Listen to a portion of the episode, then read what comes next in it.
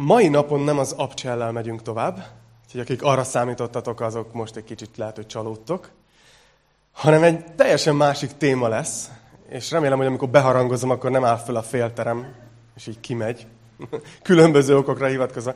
Hányan voltatok úgy iskolában, hogy tanultatok valamit, és azt gondoltátok, hogy na ezt soha az életben semmire nem fogom használni. Oké. Okay. A magyar oktatási rendszer, ne, ne bántsuk, sokat dolgoznak rajta. Nekem ilyenek voltak például nagyon sokszor a népdalok. És képzeljétek el, hogy csak nem régen jöttem rá, hogy van egy népdal, amire soha nem gondoltam, hogy fogom használni bármire, de aztán végül rájöttem, hogy az életünknek egy nagyon fontos területét teljesen lefedi. Nem tudom, hányan ismeritek ezt a dalt, inkább hányan nem, hogy tavaszi szél vizet áraszt. Virágom, virágom. És elénekeltük, Virágom, virágom, és akkor minden madár társat választ, virágom, virágom. Hát én már kit választak, te engemet, én tégedet. És olyan szép dalnak tűnt. Egészen addig, amíg, amíg el nem kezdtem készülni a, a vasárnap estére, amit a Pesti Golgatában csinálunk, egy párkapcsolati sorozatra, és rájöttem, hogy ebbe a dalba benne van minden a párkapcsolatokról. Ott van az, hogy tavaszi szél vizet áraszt, és minden madár társat válasz. Ugye a, párkapcsolatoknak a társadalmi szerepe, hogy milyen fontos az emberi életben az, hogy minden madár vágyik egy társra, és nem jó az embernek egyedül.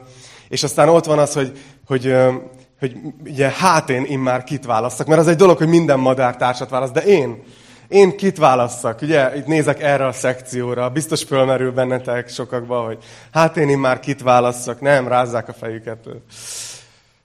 És, és, és ezért tanítottam egyszer a, arról, a pár választásról, tehát ha valakit ez a része érdekel, akkor vissza lehet keresni az archívumba. És utána ott van ez a dolog, hogy te engemet, én tégedet. Valójában a párkapcsolat arról szól, hogy két ember egymást válassza. Minden különbségével együtt. Nem, nem magamnak a mását, egy tükrözését választom, akit másra rávetitek, hanem én tégedet te meg engemet választasz. És, és a Gyügyi Laci tanított egy nagyon jót a férfi-női különbségekről ennek kapcsán. És aztán ott van a következő verszak, amit már nem ismertek. Ugye, mert idáig szoktuk énekelni a suliba. De van még két verszak. A következő verszak így szól, hogy zöld pántlika, könnyű gúnya, virágom, virágom, mert azt a szél könnyen fújja, virágom, virágom. Ez arról szól, a pántlika az az, amit ugye akkor hordtak a lányok, amikor még nem volt befedve a fejük, tehát még nem voltak asszonyok. És ezért azt mondja, hogy a zöld pántlika az még egy ilyen könnyű ruha, azt még a szél oda fújja, ahova akarja. Ugye az egyedülállóság, hogy abban van egy szabadság. És aztán jön a legdepressziósabb verszak, amiről ma szó lesz. Azt mondja, hogy de a fátyol nehéz ruha. Virágom, virágom. Ugye a házasság. Mert a bú azt leszaggatja. Úgyhogy mai témánk az a házasság lesz. És nem promóció, tehát nem arra foglak rávenni titeket, hogy gyerünk, legyetek házasok, hanem, és nem is, nem is, uh, hm, nem is definiálni akarom, hogy mi az a házasság, meg ilyenek, hanem sokkal inkább ezt az alcímet adtam, vagy címet adtam ennek a tanításnak, hogy a házasságról őszintén. A házasságról őszintén. És azt gondoltam, hogy ezen a ponton lesznek, lesznek emberek, akik fölállnak, mert hogy aj, még egyedül vagyok, nekem ez még odébb van. De hiszem azt, hogy ez a tanítás ez szólni fog mindenkinek. Úgyhogy jól figyeljetek. Ti is fiatalok, ti is mérsékelten fiatalok. Házasok.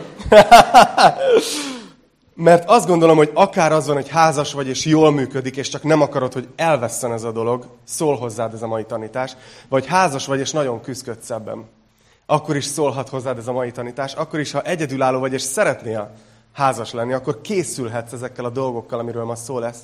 És ha egyedül vagy, és nem is szeretnél már párt, akkor, akkor is szól, mert, mert fogadni merek, hogy látsz magad körül házasságokat, amik nem működnek, és szeretnéd tudni, hogy hogy tudsz segíteni. Úgyhogy remélem, hogy erről tudunk beszélni. Jó, hogy, hogy miért mondja a dal, hogy nehéz ruha? Hogy tényleg nehéz a házasság? Mitől nehéz? És ha, ha nehéz, akkor adjuk föl, vagy, vagy vannak titkai a, a hosszú távon működő, működő házasságnak? Úgyhogy hát erről lesz szó. Szóval a kérdés, hogy nehéz dolog-e a házasság? Hát vállási statisztikákat nem hoztam, de tankcsapda számmal készültem. Főleg fiatalok, akik gondolkoztok rajta, hogy akartok-e házas lenni. Ugye a tankcsapda mondja ezt, hogy ha nem hiszed el, hogy az életed ajándék, Nézd meg jobban, hogy élnek anyádék. Ugye ott van, ott van ez a dolog, hogy azért az ember körbenéz és látja, hogy felnőttek élete nem is annyira. Vagy ott van a Honeybees-nek a legnagyobb hős című száma, amit én nagyon kedvelek, és gyakorlatilag ez egy, ez egy történet egy lány szemszögéből, aki nagyon vágyik arra, hogy, hogy házas legyen, és úgy tűnik, hogy meg is találja azt, a, azt az illetőt, aki mellett leparkol, és, és akivel elkezdheti az életet, és, és ezt mondja az x verszakban, hogy de tényleg én nem ezt vártam. A filmekben csak annyit láttam, a történetet csókkal zárják. De a folytatást velünk forgatták. Látjátok, hogy valahol ott van ez a, ez a dolog, hogy mindenki odáig gondolkozik, hogy, hogy megházasodni, de hogy utána mi van, a folytatás, ott általában már mennek a nevek föl a moziba, igaz? És, és ott, ott már, az, arról már nem annyira sok minden szól, hogy miután megtaláltad az igazit, utána mi jön. Nem tudom, hogy emlékeztek erre, a 2000-es olimpián volt egy úszó, az egyenlítői Guinea egyik sportolója, aki a százas úszást azt hiszem 1 perc 50 másodperc alatt teljesítette, és azt a címet kapta, hogy Erik az angol, és Knézi kommentárjával nézhettük vissza, és kb. így hangzott, hogy belefullad, nézzétek, belefullad, nem bírja végigcsinálni. És kicsit azt a képet hozza anélkül, hogy ezt az embert, aki egyébként érthető körülmények miatt tudott csak ilyen időt úszni, és így is ő nyerte meg a futamot, mert a többiek kiestek, van ilyen az életben, de hogy nagyon sok ember úgy gondolkozik a házasságról, mintha egy úszó csak az ugrásra készülne, csak a rajtra. Hogy egy nagyon szépet rajtoljon. És akkor utána, három csapás után az van, hogy ja, ö, akkor ezt hogy is kell csinálni? Úgyhogy nagyon remélem, hogy ez a tanítás segít ebben nektek. Ezt mondja ez a, ez a dal, hogy a, tört, a filmekben csak annyit láttam, a történetet csókkal zárják, a folytatást velünk foly, forgatták. És jön a realitás, azt mondja, hogy és nem tudtam überelni anyádat, és te nem mosod magad után a kádat. Van nagy lakás és nagy autó, de közel már az utolsó szó. Arról szól ez a dal, hogy házasságok eljutnak nehéz pontra, honnan nehéz tovább menni. És úgy tűnik, hogy egyszerűbb lenne, ha vége lenne az egésznek. Szóval nehéz -e a házasság? Rengeteg, bemész egy könyvesboltba, rengeteg könyv van. Ajánlom a harmad kiadót vagy, vagy tudod, körbenézzel, nem hiszem, hogy nem látsz magad körül olyan házasságot, ami nem küzdködik. A japánok találtak rá egy megoldást, ott képzeljétek el, hogy, hogy, hogy egy szoftver cég kifejlesztett egy, egy olyan, olyan megoldást, hogy online kapcsolatot kezdhetsz a kedvenc anime karaktereddel. És ez ilyen art, tehát egy ilyen mesterséges intelligenciás projekt, és teljesen képes vagy kapcsolatot kiépíteni. Tehát megosztani az életedet, mesélni, ő is mesél, és legújabban piacra dobtak egy következő verziót, hogy össze is lehet házasodni ezekkel a karakterekkel, és van egy ilyen hely, ahova be lehet jelentkezni, és bemész, fölveszel egy ilyen VR szemüveget, és konkrétan mindent látsz. Tehát, hogy ott van a pap, ilyen kis ugye japánok fejlesztették, nagyon-nagyon jól néz ki az egész, így mutatták úgy a videón, hogy tudjátok, hogy mit, mi látszik a szemüvegbe, és hogy mi van az életbe. És nincs ott semmi, csak látja a papot, meg látja a kedvenc anime karakterét, ahogy oda sétál az oltár elé, és ígéreteket tesznek, és még oda tartanak egy műszájat, hogy elcsattanhasson a csók, és még ez is megvan virtuális valóságban. Hát azt hiszem, hogy igen, egy, egy karakterrel valószínűleg könnyebb értelmes kapcsolatban lenni, igaz, mint egy húsvér emberrel. De azért érezzük, ugye, hogy nem erre vágyunk alapvetően. Úgyhogy a mai témánk az ez, hogy vannak-e olyan dolgok, amelyek bizonyítottan összetartják a házasságot. Jó? Vannak-e olyan kapcsok, olyan dolgok, amik, amitől biztos, hogy, hogy jobb lesz a házasság, és amikor készültem, ez ott volt a képernyőmön ez a mondat, akkor Enikő odasétált, ránézett, vannak olyan dolgok, amik bizonyítottan összetartják a házasságot, és ránézett azt mondja, hát persze, az, hogyha mindig igent mondasz a feleségednek. De szóval tényleg vannak-e siker tényezői a házasságnak? Most már nagyon sok kutatás készült ezen a területen. A 70-es évek óta főleg nagyon megsokasodtak ezek a kutatások, amik a házasságokat vizsgálják. És szemezgetni fogok ennek az eredményeiből, de ugye nekünk ott van a Biblia is, ami még sokkal fontosabb, mint a kutatások. És ami a legérdekesebb volt, ahogy készültem, hogy ugyan arra jutnak a kutatások, mint amit a Biblia 2000, meg 3000, meg 4000 éve leírt. Úgyhogy látni fogjátok ezt. És ami előjáróban érdekes, hogy ezek a kutatások nagyon sokszor kutatták azt, hogy mondjuk milyen volt valakinek a neveltetése, milyen személyiség, milyen anyagi körülménye van a párnak, milyen a szexuális életük. Tehát magyarul azok a dolgok, amik megfogható, mérhető, tényszerű dolgok. És próbálták az összefüggést megtalálni, hogy ez alapján determinálható-e, hogy egy házasság sikeres lesz. És nagyon érdekes, hogy minden kutatás szinte azt találja, hogy nem ezek határozzák meg egy házasság sikerét, hanem fejben dől el. Van néhány hozzáállás, ami összetartja. Ami azokban a párokban, akik együtt maradnak és erősek megvan, és akik nem, ott nincs meg. Úgyhogy innen mindenki úgy fog kimenni, hogy megvan mindenkinek. Szóval nézzük ezt a, ezt a dolgot. Nem teljes a lista. Tehát most fura is lenne, nem, hogyha azt mondanám, hogy 40 percben megmondom a sikeres házasság titkát. De néhány dolog, ami szerintem segített. Hat ilyen kapcsot szeretnék ma nektek elmondani, úgyhogy örülök, Kati, hogy jegyzetelsz, és többiek vegyetek, Zita, vegyetek róluk példát, mert higgyétek el, hogy többet, többre emlékeztek, hogyha jegyzeteltek. Ez az első kapocs, amit így fogalmaztam meg, hogy felemelni egymást, nem lehúzni. Volt egy kutatás, amit az Albertai Egyetem készített, és azt keresték, hogy mi a közös hozzáállás azokban a párokban, akik együtt maradnak hosszú távon.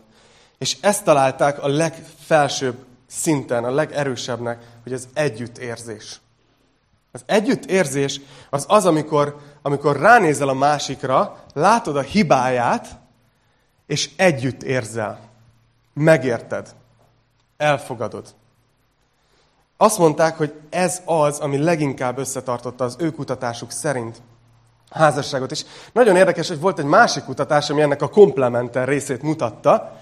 Ezt a Gottman, Gottman intézet készítette, és ők meg azt mondták, hogy az első számú oka a házasságok szétesésének az a megvetés, lenézés. A két dolog valójában ugyanarról beszél.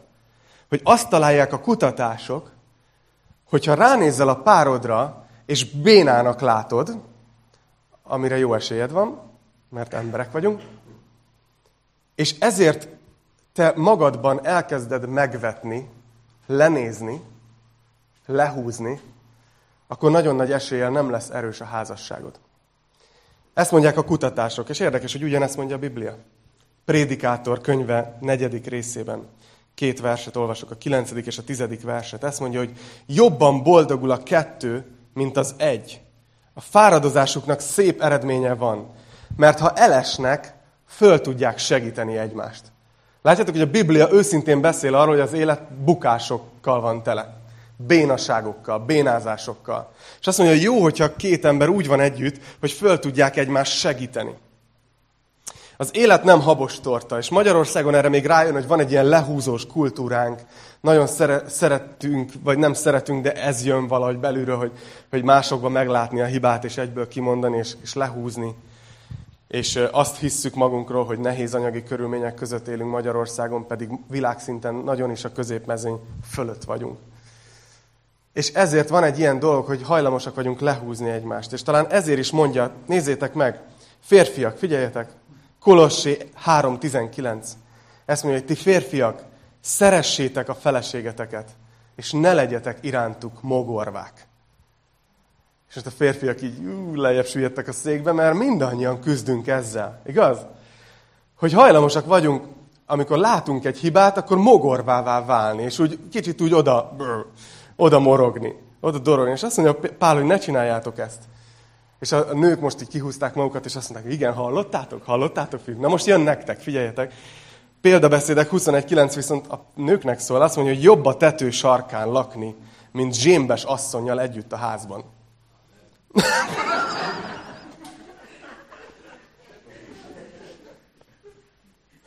Hol a gyöngyik? Én is ezért mertem elmesélni a példámat. Szóval látjátok, hogy a Biblia mindkét nemet figyelmezteti, hogy, hogy álljunk úgy hozzá egymáshoz, hogy, hogy felemeljük, és nem lehúzzuk. Nem hisz, és, és tudod, nagyon könnyű magunkat fölhúzni és mogorvává válni. Én például nem hiszem el, hogy miért kell az osamba cikcakba vásárolni. Tudod, hogy kell kenyér, aztán kell mosószer, aztán kell szörp, aztán, ja, kell fűmag. Aztán, tudod, és így miért nem lehet összerakni, hogy ezek kellene, és akkor végigmegyünk szépen logikusan. És nagyon könnyű mogorvának lenni, és azt mondani, nem jutott előbb eszedbe? Tudod? Vagy, tudod, nem lehetett volna időbe tankolni kivételesen egyszer? Nem akkor, amikor már egy centivel a vonal alatt van. Tudod, ezek a, ezek a dolgok, de azért ne legyen egyoldalú Ennivel egyeztettem, hogy ezeket elmondhatom-e.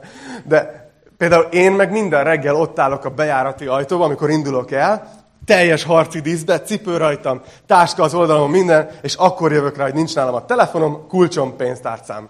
És akkor mondom, szívem, idehoznád a hűtőről a... és az a jó, hogy nem történik meg ez túl gyakran, csak minden nap. Szóval amiért mondom ezt, mert nagyon könnyű egymás agyára menni. Ez van. Ez a gyakorlat. A kultúra, az nagyon fura. Azt mondja a kultúránk, a dalok, a filmek, a, a hozzáállás, hogy találd meg az igazit. És emögött a gondolat az az, hogy találd meg azt az embert, aki nem béna, és akire majd nem kell mogorvának lenned, mert minden tökéletesen csinál, igaz? Az a hazugság ebből, hogy ilyen ember nincs, mert mindenki szolgáltat okot arra, hogy béna, bé, hogy béna. Mert mindannyian azok vagyunk. Ez van. Örültök ennek a fölemelő tanításnak? De jó, ezzel, jó ezt bevállalni szerintem, hogy nem vagyunk szupermenek. Kivéve persze az anime karakterek Japánban, de mi nem vagyunk azok. Szóval az a helyzet, hogy a fejünket kell átállítani, hogy, hogy ezt az embert, akit én szeretek, fel fogom emelni, akkor is, ha nagyon gáz. Akkor is, ha nagyon béna. Sok területen. És nem is értem, hogy miért tartott ahol. De ha elhatározod magad, hogy föl fogod emelni, akkor erősebb lesz a házasságod. Más kutatások ugyanebben a témakörben említik a kedvességnek a fontosságát, a pozitív gondolkozás, ami most egy ilyen nagy de hogy értitek azt, amikor a másikra úgy tekintesz, hogy akarod meglátni a jót, a reményt. Na nézzük a második kap, kapcsot a hatból. Második kapocs, erről ritkábban hallunk, de ezt így fogalmaztam meg, hogy kapcsolatban maradni. Kommunikálni. Egy olyan világban élünk, ami 24 órában össze van kapcsolva, igaz? Az interneten keresztül, és bárhonnan telefonálhatsz, bárhova, és egyet, egyet gondolok, megnyomok egy gombot, és közvetítem magam élőbe, és a föld másik oldalán nézhetik. Tehát egy full összekapcsolt világban élünk, nem sokára okos otthonokban fogunk élni, ahol nem lesz kérdés az az, hogy lekapcsoltam-e a vasalót, mert igen, lekapcsolja az, az otthonod, és, és nem sokára okos ruhákat fogunk hordani, ami kommunikálni fog az okos mosógéppel, és megmondja neki, hogy hány fokon és milyen mosószerrel mossa ki, és megrendeli magának a Tesco-ból az új mosószert, hogyha már kifogyóba van. Tehát, hogy egy ilyen full összekapcsolt világban élünk, de néha elfelejtjük azt, hogy azon viszont nekünk dolgozni kell, hogy mi is összemaradjunk kapcsolva. Hogy ez nem automatikus, hogy két ember közösségben van egymással, és kapcsolatban van. Nem tudom, hányan voltatok, ez a hívása fontos számunkra. Kérjük, maradjon vonalban. De talán ez, ez lehetne a címe ennek a pontnak, hogy, hogy fontos az, hogy vonalban maradjunk egymással, hogy kommunikáljunk. Volt egy ilyen kutatás, ahol kialakítottak egy ilyen, egy ilyen szabadidőközpontot medencével, tehát egy ilyen nyaraló helyet, és meghívtak minden héten néhány párt. Mindannyian friss házasok voltak és, és figyelték őket, mindegyik egy napra kaptak egy ilyen ingyen kupont, tudod, hogy részt vehetnek. És ez még jó régen történt, tehát akkor még nem volt annyira ilyen személyiségi jogok, meg nem tudom, tehát hogy így simán átvágták őket, nem tudták, hogy ez megfigyelés. És a kutatók azt nézték, hogy a párok között hogy működik a kommunikáció. És minden pár között úgy működik a kommunikáció, hogy valamelyik kezdeményez, lehet ez egy egész apró dolog. Például ott fekszik a pár a medence szélén, és sziasztáznak, és azt mondja a férj, hogy nézd meg, milyen szép madarak vannak ott. Ez, ez, ez egy ilyen kapcsolatfelvételi kísérlet. És azt figyelték, hogy hány alkalommal, vagy milyen arányba jön, jönnek, jön pozitív visszajelzés erre. Tehát, hogy hányszor mondja azt mondjuk a feleség erre, hogy hol? Aha, ó, tényleg szépek. Vagy hányszor mondja azt, hogy hagyjál már olvasni, pihenni jöttünk. Tehát, hogy, hogy a, a kapcsolatfelvételi kísérlet az sikerül, vagy, vagy, vagy nem. És utána ezeket a párokat követték, és megnézték hat évvel később, hogy, hogy együtt vannak-e még, és erős a házasságuk, vagy hogy esetleg szétmentek, vagy küzdik a házasságuk. És visszanézték az eredményeket, és döbbenetes dolgot találtak. Azok a házaspárok, akik hat év után is erősek voltak, azoknál ezek a kapcsolatfelvételi kísérletek 87%-ban pozitív fogadtatásra találtak. Tehát mondjuk tíz alkalommal kilencszer a másik pár hajlandó volt bevonódni abba a kommunikációban a másik kezdeményezet. És tudjátok, mi volt ez az aránya azoknál a pároknál, ahol már hat év után vége volt a kapcsolatnak? 33 százalék. Tehát, hogy ez az apró dolog, hogy kommunikáltak-e egymással. Ez az apró dologból ki tudták következtetni, hogy együtt lesz-e és erős lesz -e ez a házasság. Elég fura, nem, hogy mennyire egyszerűnek tűnő dolgokon múlik. És ezért nagyon fontos szerintem az, hogy, hogy kommunikáljunk, hogy ne csak elbeszéljünk egymás mellett, vagy beszéljünk egymásnak, hanem hogy akarjuk megérteni a másikat, kommunikálni. És itt van Péter apostol ír erről 1 Péter levelében, a három hétben, ahol ezt mondja, hogy és ugyanígy ti is férfiak, megértően éljetek együtt a feleségetekkel, mint a gyengébb féllel, adjátok meg neki a tiszteletet, mint örökös társatoknak is az élet kegyelmében, hogy imádkozásotok ne ütközzék akadályba. Szóval itt Péter arról beszél, és különösen a férfiak lelkére helyezi, hogy úgy élj együtt a pároddal, hogy megértően.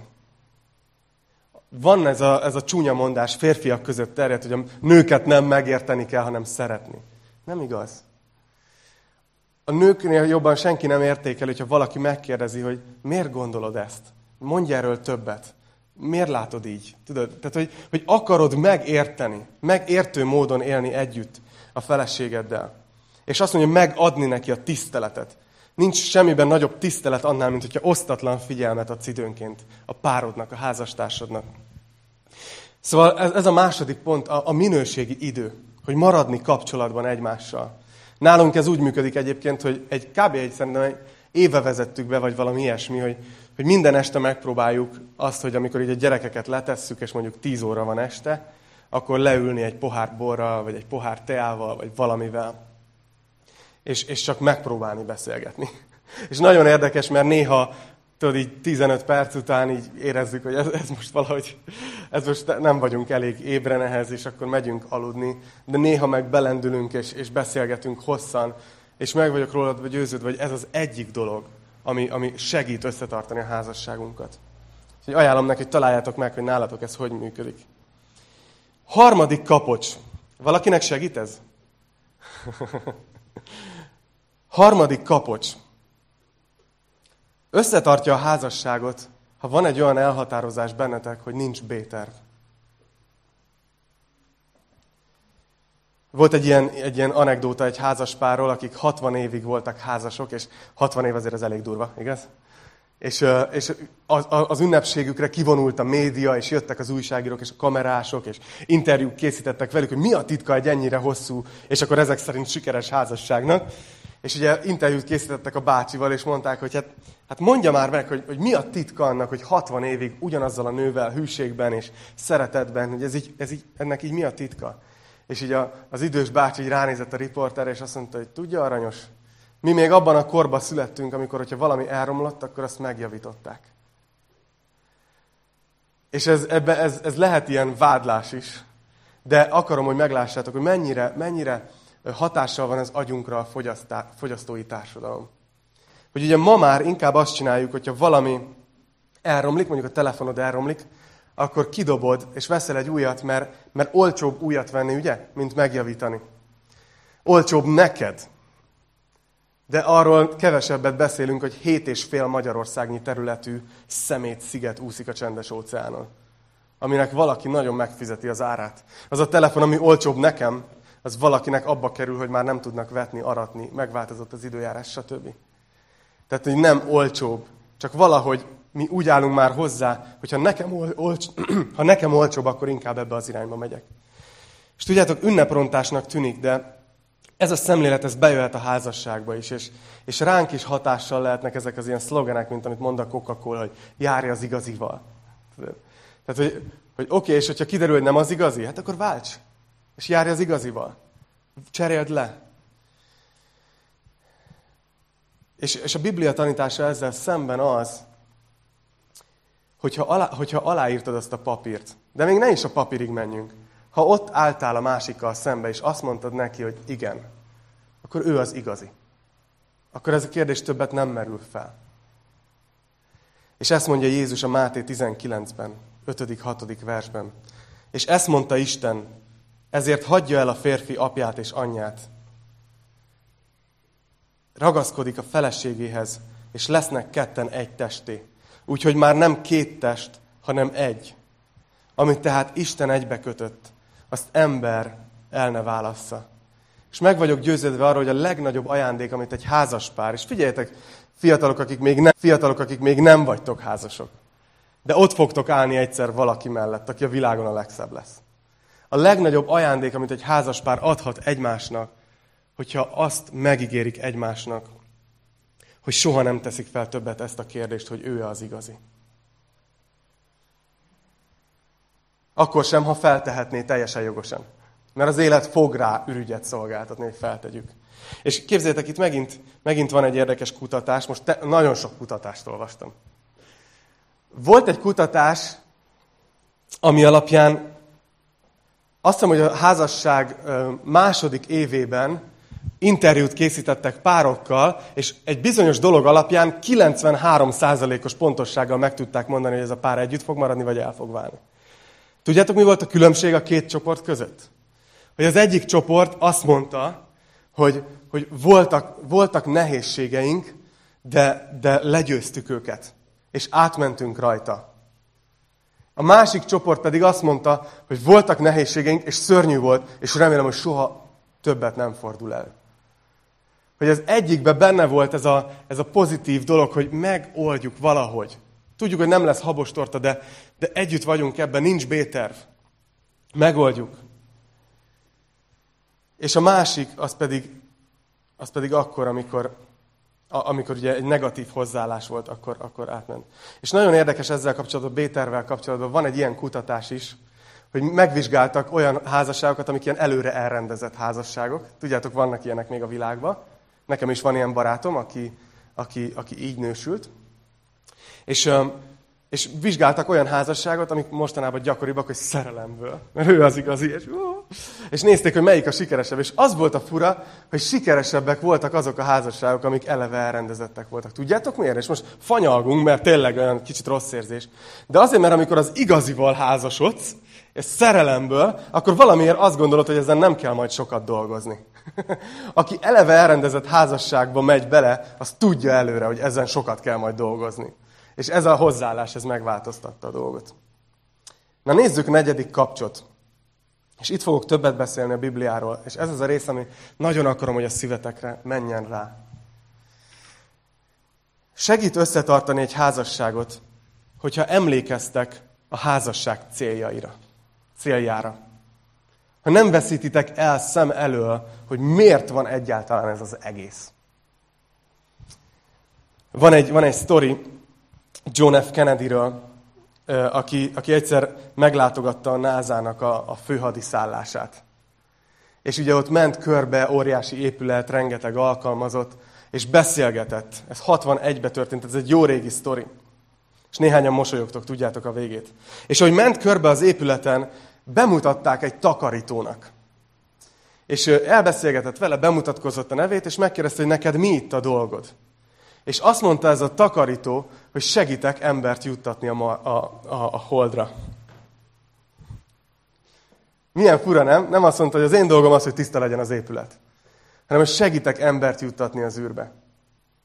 Hogy a takarító szintjén világos volt, hogy mi a vízió, miért csináljuk ezt az egészet, miért vagyunk ebben a cégben, miért dolgozunk itt. És ez ugyanígy igaz egy, egy, egy házasságra is, vagy bármilyen helyzetben, hogyha ha elveszítjük a víziót, hogy miért csináljuk, akkor, akkor, akkor a hogyan az már nagyon fog küzdködni. Az első legfontosabb kérdés, hogy miért csináljuk. Ez az, ami a vízió.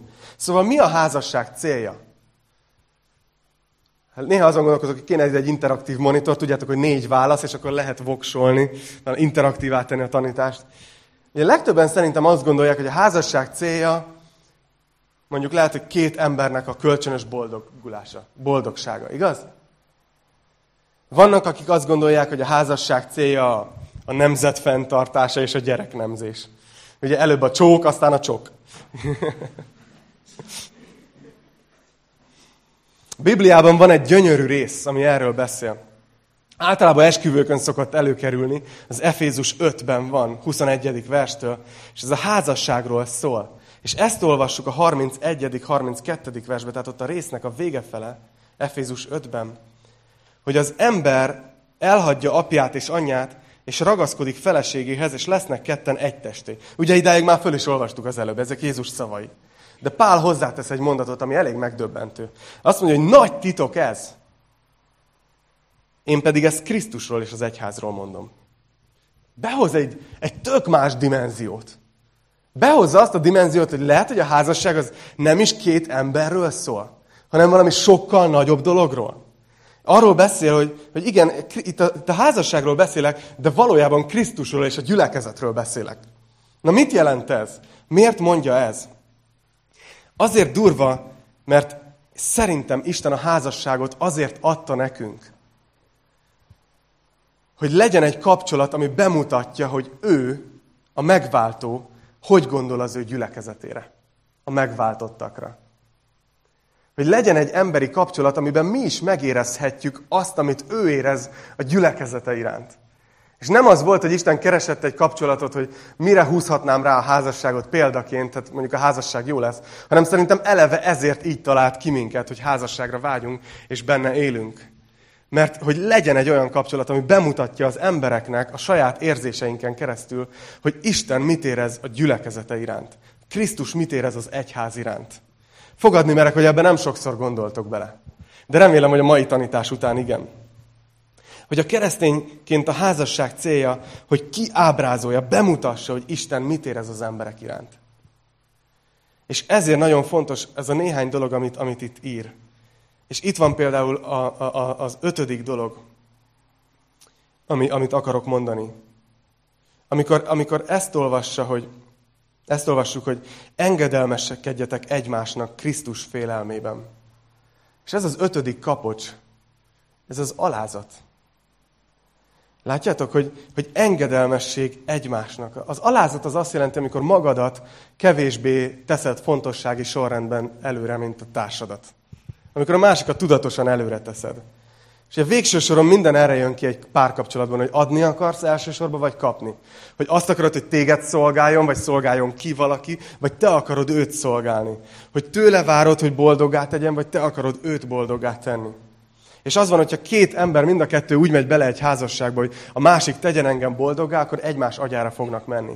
Mert kiszipolyozzák egymást, mert emberek vagyunk, véges teremtmények. De ha mind a kettő úgy megy bele, hogy egymást akarjuk szolgálni, és mind a ketten Istenből töltekeznek, akkor ez egy gyönyörű dolog tud lenni. Házasság a legnagyobb eszköz Isten kezében, amivel rávesz, hogy az egónkat ültessük a hátsó ülésre. És amikor arról beszéltem, hogy Krisztus és az egyház, Krisztus ezt tette meg a kereszten. Krisztus azt tette meg a kereszten, hogy ő a saját életét odaadta, értünk. Ezt olyan sokszor kimondjuk, csak nem gondolunk bele, hogy ez mit jelent hogy ez azt jelenti, hogy Krisztus olyan alázatos volt, hogy minket előrébb rakott fontossági sorrendben, mint saját magát. Értitek ezt? Kezditek érezni, hogy, hogy mennyire szeretve vagytok? És ez, ez beszél erről.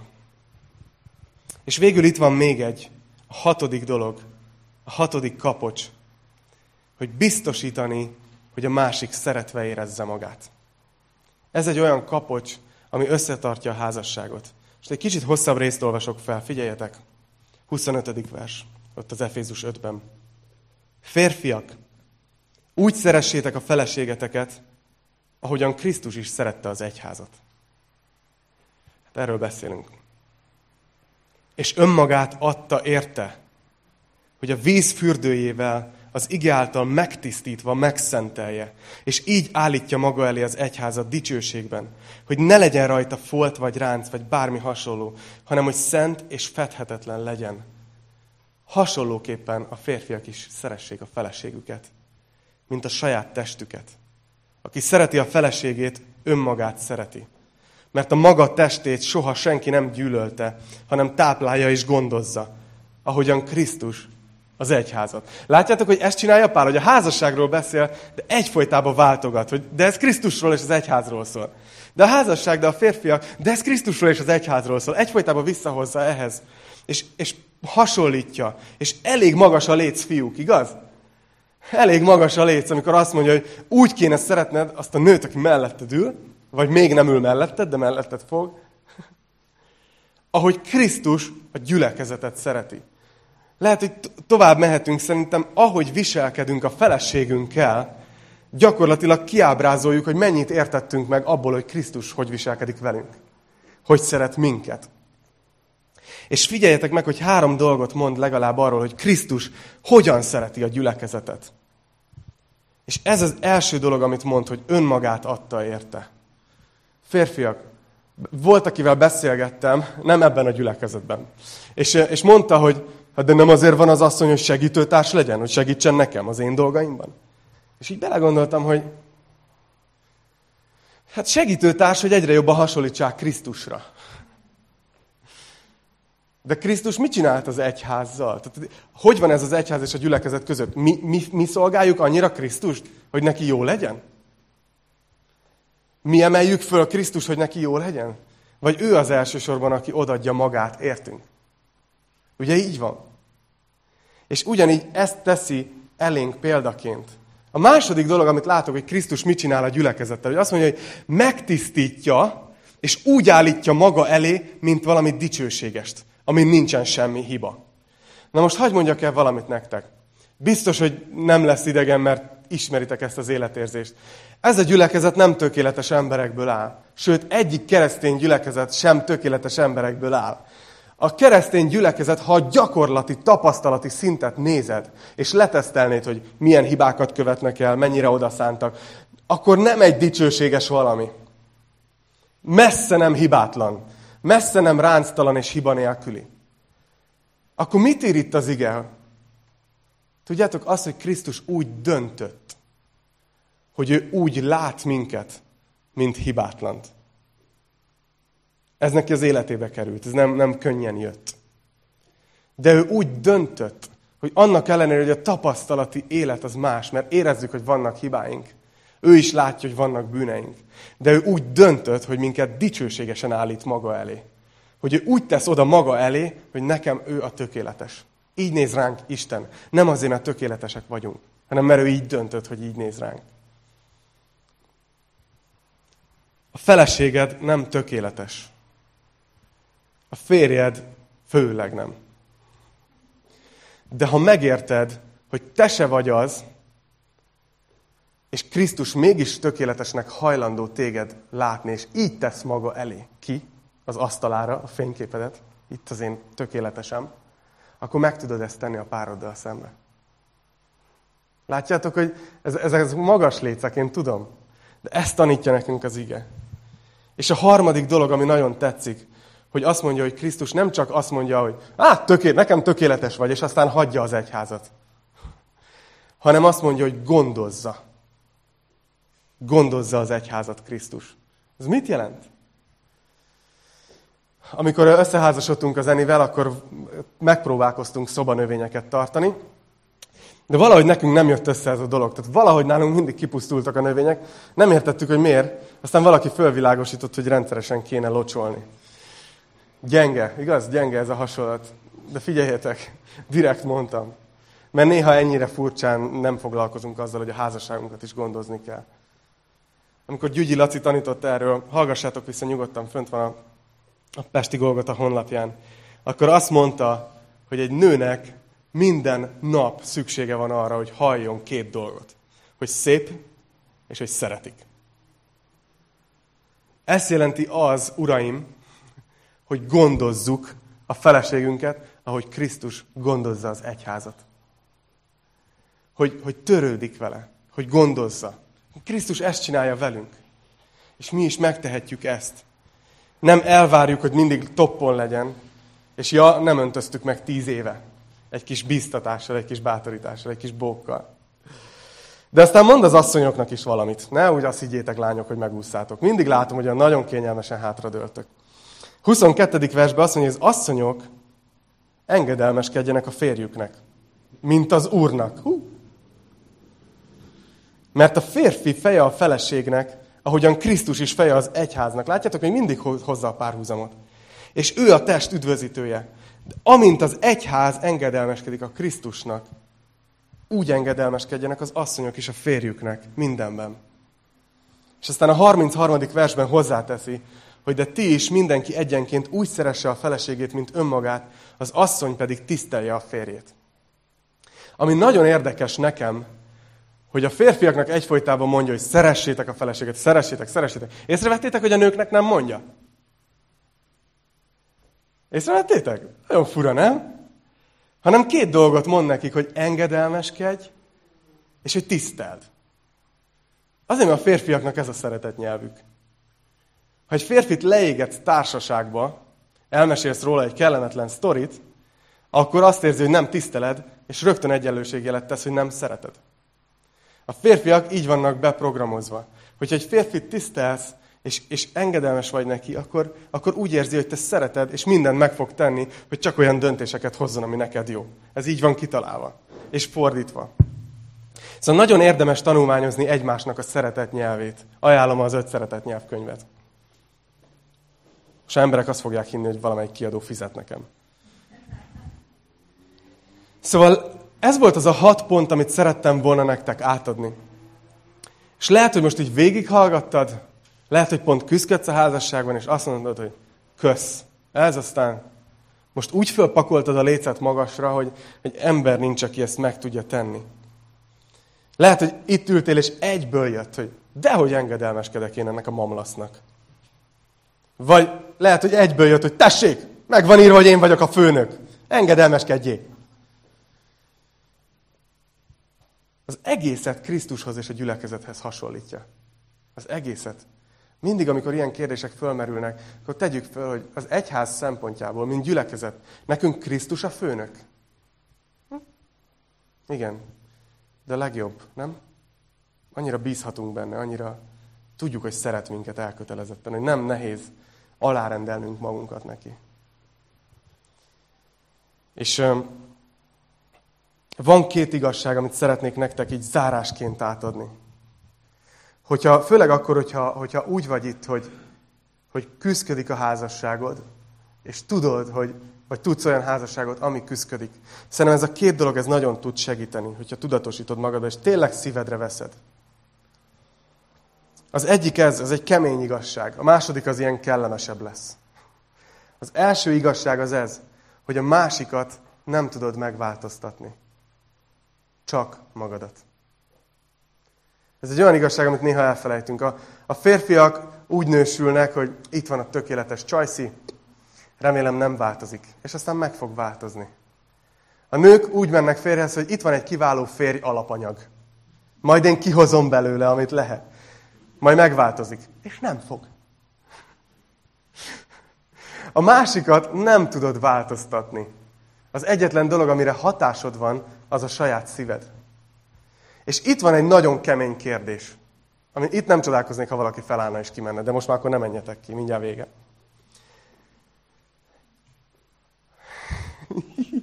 Hajlandó vagy-e akkor is szeretni a másikat, ha most megmondanám neked tutira, hogy egy centit nem fog már változni?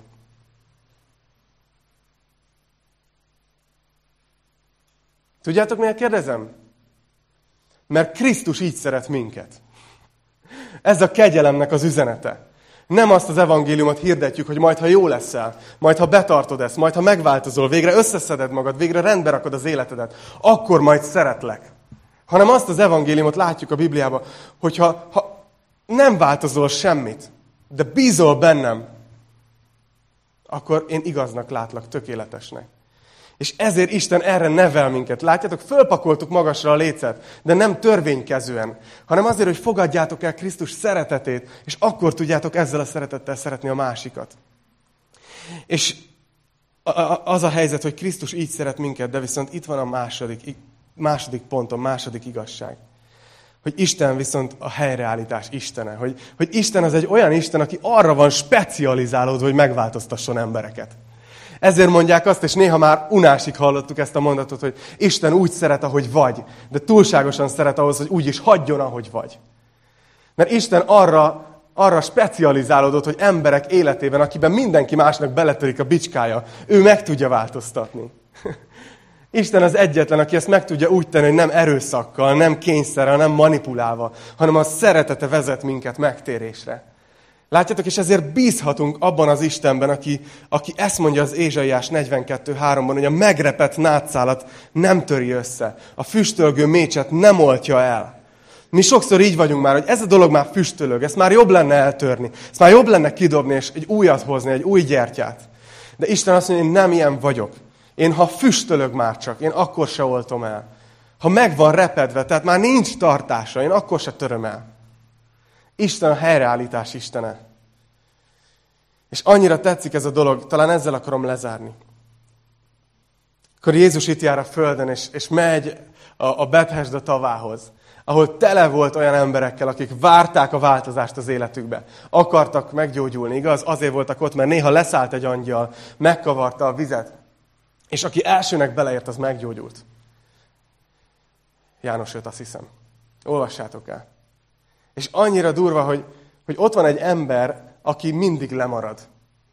Mindig más megy be először. Rengetegszer megpróbált ő érni először a vízhez, de nem sikerült.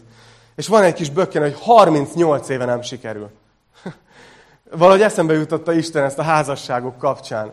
Mert néha itt is évtizedekben mérjük, és azt mondjuk, hogy, hogy hát már egy évtizede ez van, már két évtizede ez van, már három évtizede ez van. És nagyon tetszik, hogy Jézus oda megy ez az emberhez, és ezt a kérdést teszi fel neki. Ami nagyon kemény lehetett. Lehet, hogy egy gyomros volt először. És ezt kérdezte, hogy akarsz meggyógyulni?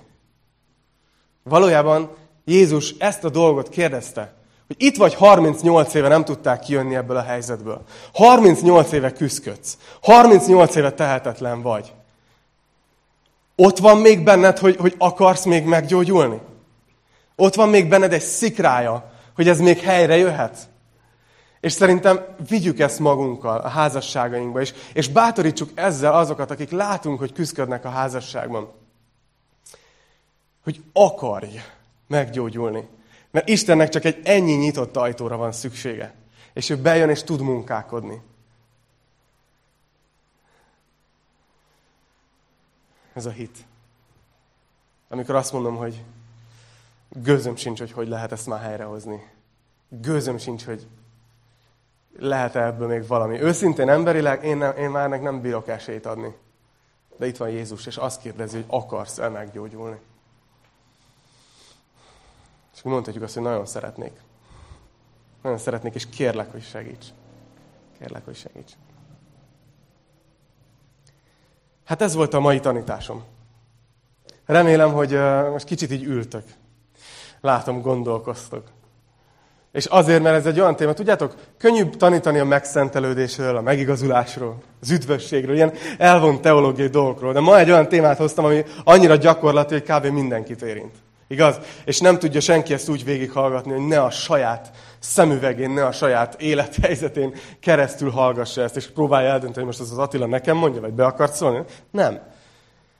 És ezt akarom így zárásként a szívetekre helyezni. Isten szeret titeket.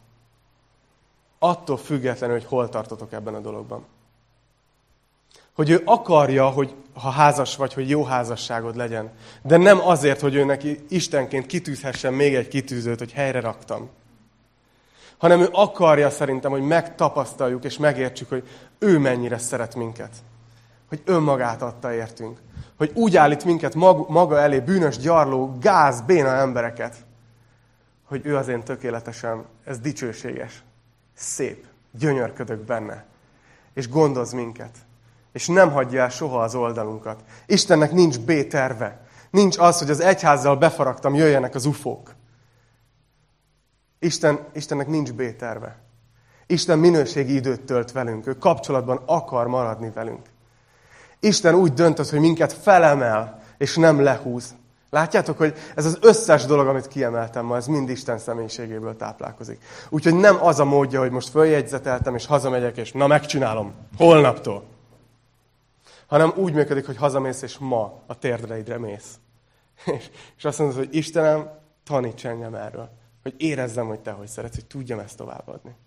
Úgyhogy ö, szeretném, ha tudnátok, hogy imádkozom a házasságokért a gyülekezetünkben, Imádkozom a házasságokért ebben az országban és ezen a világon, mert nagyon, nagyon meg vagyunk próbálva. Szerintem pont azért, mert ez egyháznak és Krisztusnak a képe.